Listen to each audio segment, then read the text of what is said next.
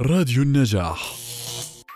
دكتور حضرتك مؤلف مجموعة من الكتب العلمية منها التفكير الإبداعي العلم والاختراع. كيف يكون الأبناء عقل مبدع؟ هل دكتور في هناك طرق لنكتشف فيها موهبة أبنائنا؟ السلام عليكم ورحمة الله. طبعا في طرق كثيرة جدا. من الطرق في اختبارات لأنواع الذكاء. الاختبارات في كتب متخصصة نعم. لكن أنا نشرت في كتب مبسطة اخترت أبسط أنواع الاخت- طرق الاختبار وموجودة بقدر أنا أنا كأب أو معلم إني أطبقها وأعرف نوع الذكاء اللي عند ابني. نعم. آه. آه، بالن- ونوع الذكاء. زائد آه، في- شيء ثاني إنه أحيانا آه، أحيانا بقول لك ابني أنا مثلا غبي في الرياضيات أو غبي في كذا. هو القصة آه، إن ربنا وزع المواهب للكل. في نعم. عندنا حوالي عشر أنواع من الذكاء.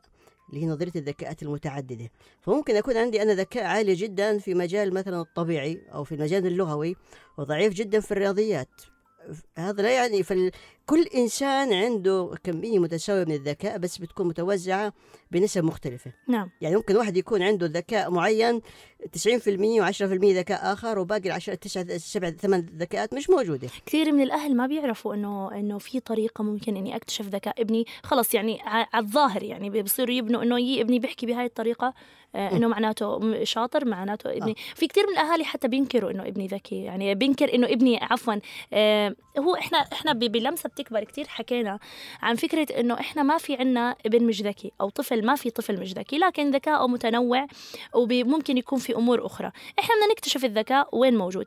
ممكن تحكي لنا مو مجموعة من الطرق اللي ممكن إنه إحنا نكتشف ذكاء أبنائنا عن طريقها؟ في طرق كثيرة. في عندنا إشي اسمه الذكاء في الموهبة في نعم. الطلاب المتفوقين. نعم. ناخذ واحدة واحدة. بالنسبة للذكاء في عش عندنا عشر أنواع من الذكاء. نعم. زي ما ذكرت في طرق بسيطة جدا. يعني أنا كاتبة كتبي هي عبارة عن صفحتين ثلاثة بقرأ كل يعني طفل شو نوع الذكاء يعني الذكاء الرقمي مثلا اللغوي. بشوف الصفات في عشر صفات مثلا هاي الصفات قديش موجودة؟ ابني. نعم. الذكاء الطبيعي الذكاء الاجتماعي الذكاء البصري وما إلى ذلك. فهو بقدر أقرأها. الطريق الأفضل هو برنامج تطبيق بسيط برضه موجود مترجم. فقط أنا بدخله عندي 100 سؤال. بجيب عليهم بنعم أو لا؟ فقط هو بيعطيني جدول بياني إنه أنت عندك نسبة الذكاء هذا كم هذا كم هذا اللي كم. هو اختبار ال IQ لا لا لا لا لا؟ لا لا هذا- لا لا. هذا اختبار اللي هو عندنا زي ذكرنا إحنا نظريه الذكاءات إنه في عندنا عشر أنواع من الذكاء. فقلنا إيه، حسب النظرية وحسب يعني خبرتي إنه كل إنسان في العالم يعني كل البشر عندهم نفس الكمية من الذكاء. بس إيش؟ بتتراوح العشر أنواع ممكن يكون عنده زيادة في هاي نقص في هاي. يعني مثلا أنا كنت عالم من الرياضيات و... آه، ليش مثلا علامتك معناته أنت مش ذكي؟ القصة لا إنه عندي الذكاء الرقمي قليل شوية بس عندي أشياء كثير أنواع أخرى الذكاء أكثر. نعم.